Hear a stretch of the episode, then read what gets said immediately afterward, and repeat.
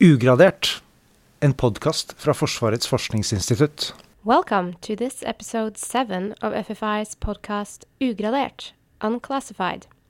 This week, we have three experts on the Russian military in our studio one Norwegian and two Russians. They will discuss the Russian involvement in the war in Syria. So this is uh, Tor from the Norwegian Defense Research Establishment from the Russia team at, at FFI. And today we have two guests from uh, Russia here at FFI. It's Ruslan Pukhov, who is the director of the Center for uh, the Analysis of Strategies and Technologies in Moscow, and his uh, deputy director, uh, Maxim Shepovalenko. And uh, we will have a short conversation on the topic of the war in Syria, and in particular the Russian participation in this war.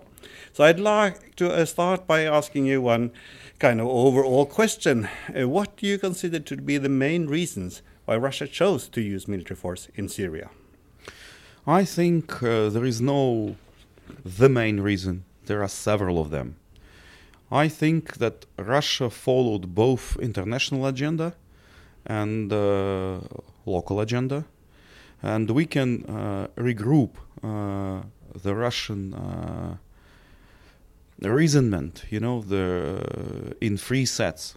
The first one, this is really the one which President Putin mentioned in his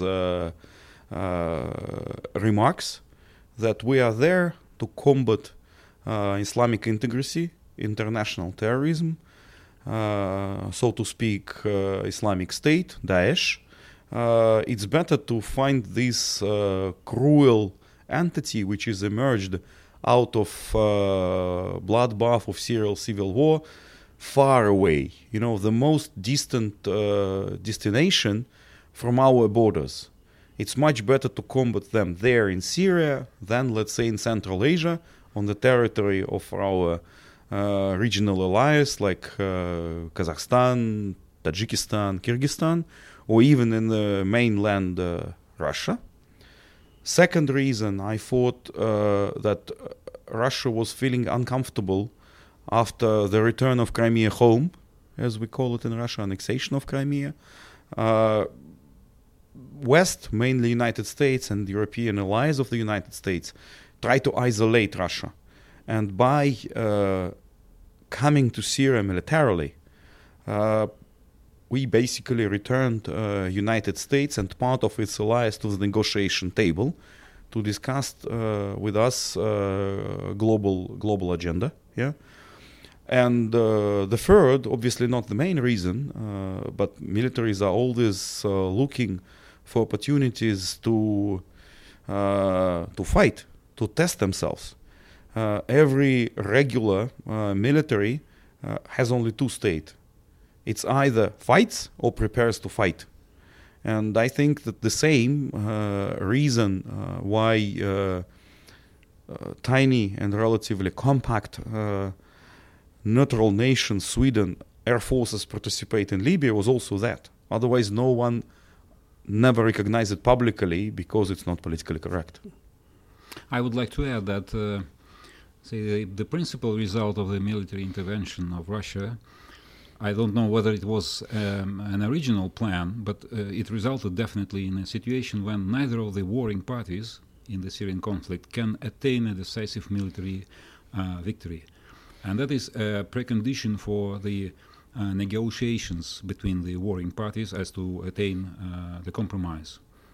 So, was it uh, the original plan to, so to make it uh, a situation where neither party can win, or it happened so, but uh, this is a de facto situation. Mm, so that's very interesting. But I, I, I would like a follow up then, because one of the criticisms against Russia in this campaign is that Russia is not fighting IS. Russia is fighting all the other parts of the opposition against uh, um, Assad. So if fighting IS was part of the motivation, as you said, like the first motivation, why then isn't Russia bombing IS instead of the other parts?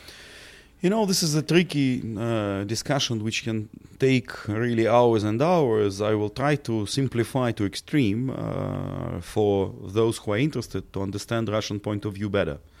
Uh, traditionally, uh, from 50s and 60s, Russia, Soviet Union, Soviet Russia, was always more comfortable with the civil, let's call it officers regimes, no matter whether they were Ba'ath party type, than, let's say, with monarchies of Saudi Arabia, Qatar type, or even enlightened monarchies of uh, United Arab Emirates.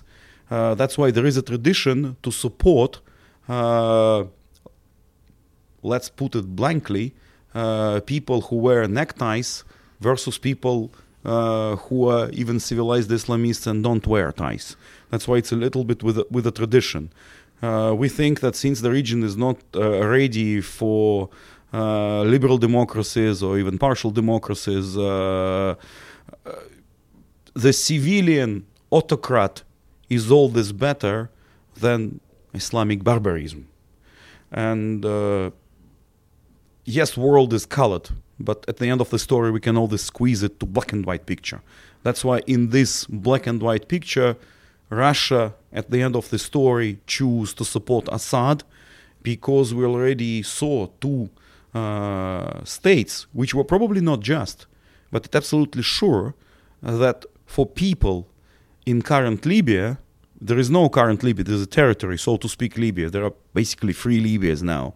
In Iraq, which exist as Iraq only uh, on the map, yeah, on pa- in, in, in, papers, uh, that both countries, after West, led by the United States, in Iraqi case, led by France and Britain, with American support them at the later stage in Libya, after the collapse of civil uh, officers' regimes, this country became basically the war of everybody against everybody.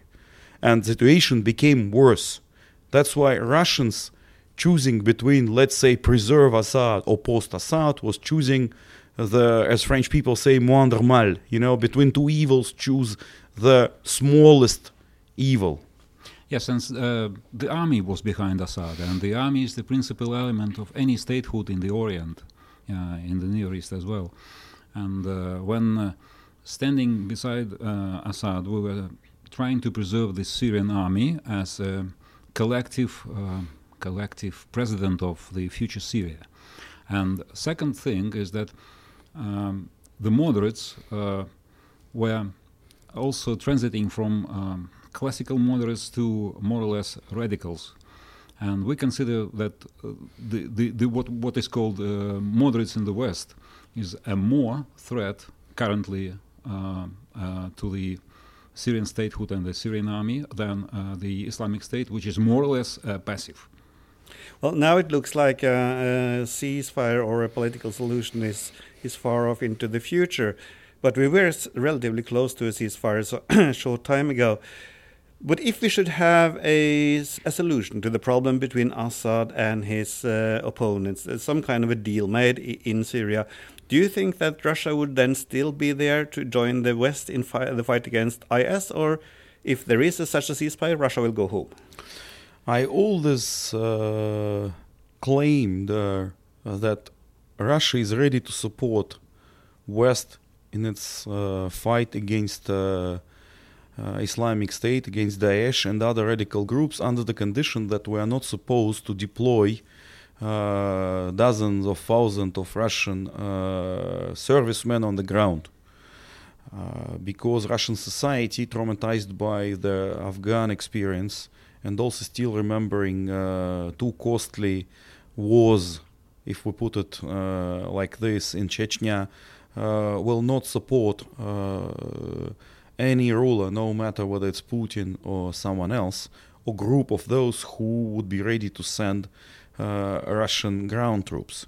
Uh, that's why it gives uh, a vision to certain circles in the West that we are not ready to full tension support because we are not ready to send uh, to send our people. That's why it's uh, uh, from Russian point of view the answer on your question yes, but someone can say that Russia is trying to uh, avoid uh, massive war, uh, relying shoulder uh, to shoulder with the West against um, uh, against radicals uh, with Americans and their allies. It's not an easy question. Mm.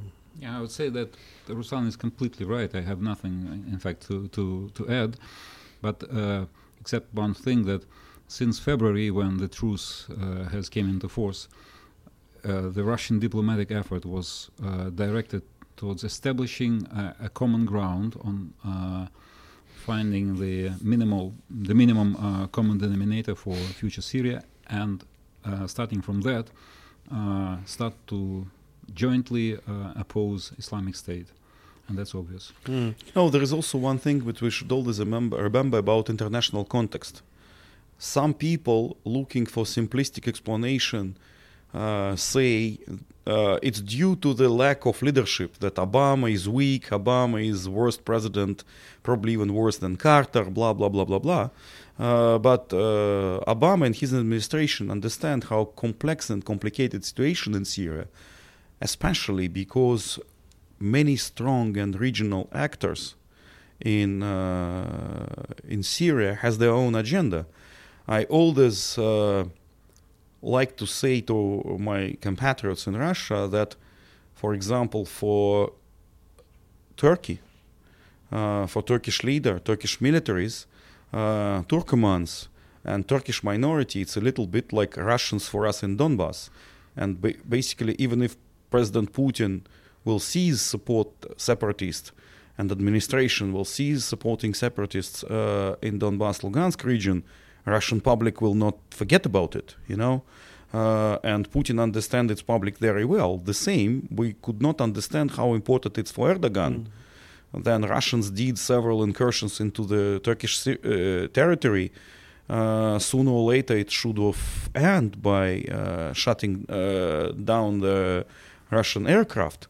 That this is inevitable in that part of uh, and, and that part of uh, region because we can reverse situation uh, to the anecdotal uh, degree that uh, who is Assad?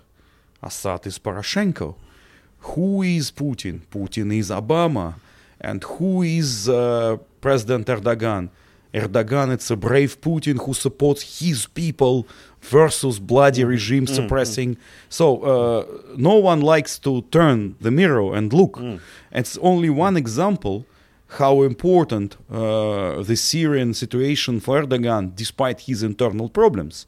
There are other powerful actors like uh, Saudi Arabia, like Qatar, uh, Israel, despite that they are not actively involved uh, openly, but secretly and covertly they are very much involved because there are very strong people uh, who are saying that basically uh, Iran, uh, Hezbollah, and Assad, this is the main evil. Let them bleed there, and uh, Sunni integrism will somehow manage it afterwards. That's why when we see so many powerful regional and global actors playing on sm- such a small plot of uh, land, it's very difficult to find a solution which satisfies everybody. Whereas also powerful European nations uh, like France with its own tradition, and each of them basically has de facto blocking package. None of them has a controlling stake in Syria, but each of them can block the advancement of Syrian situation. Uh, how to tackle it I have no crystal ball. Mm-hmm. Well, if we then move on slightly to to somewhat different aspect of the whole operation and talk more about what effect has this had on the Russian military, and especially what does this operation say about Russian military cap capability?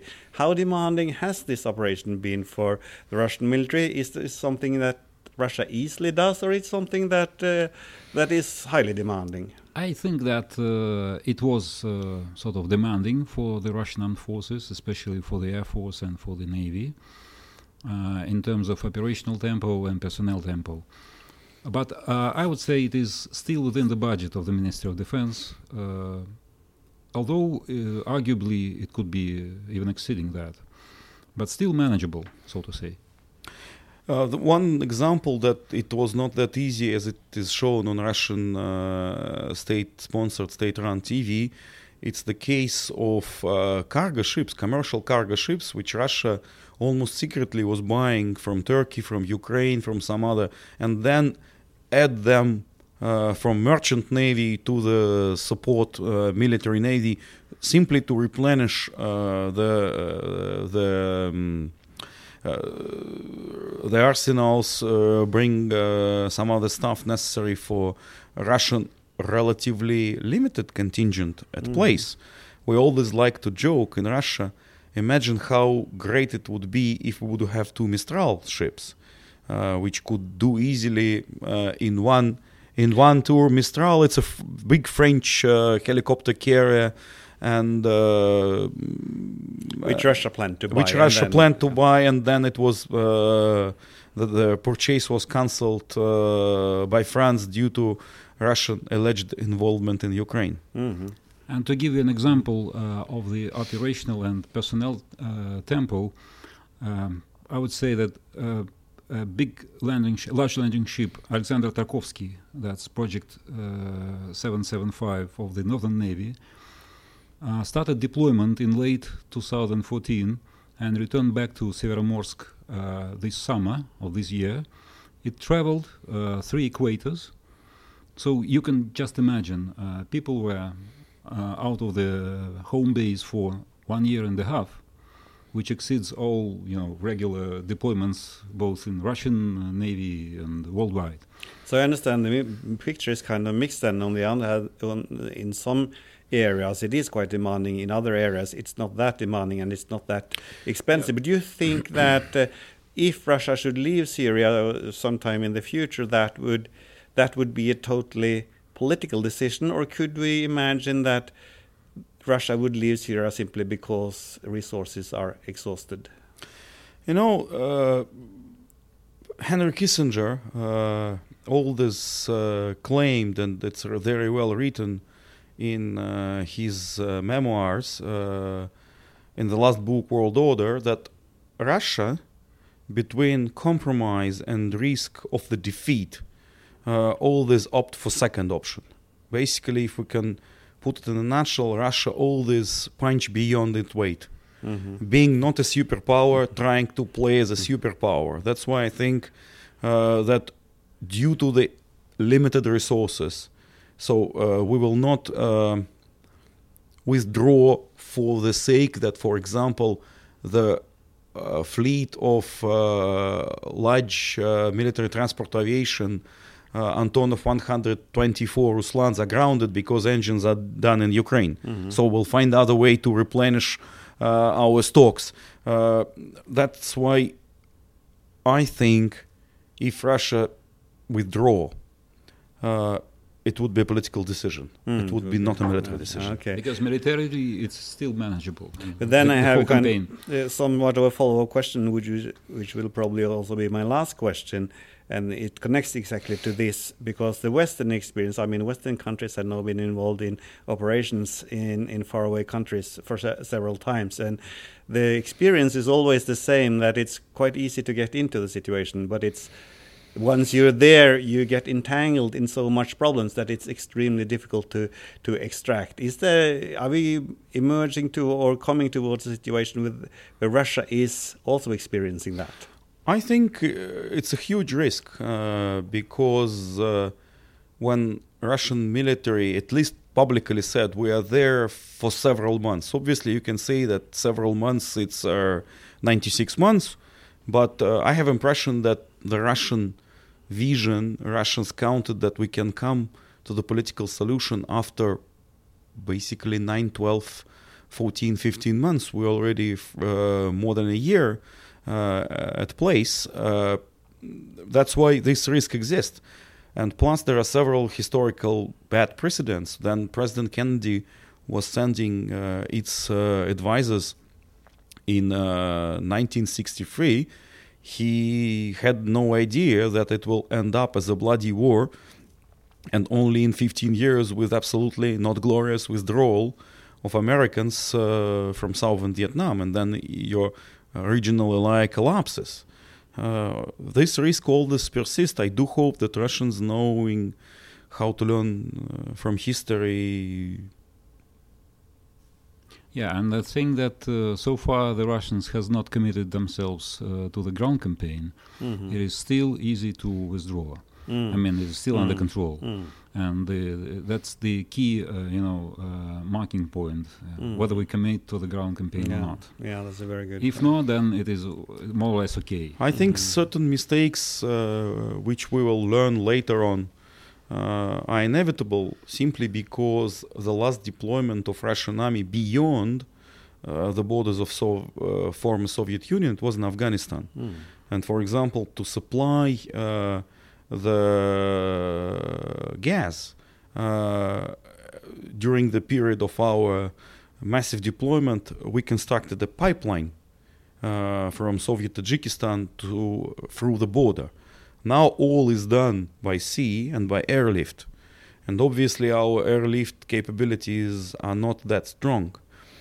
Uh, that's why risks uh, there are very very huge risks, and I hope that I am not the only one who understands it Mhm. among Russian expert uh, community and in current administration.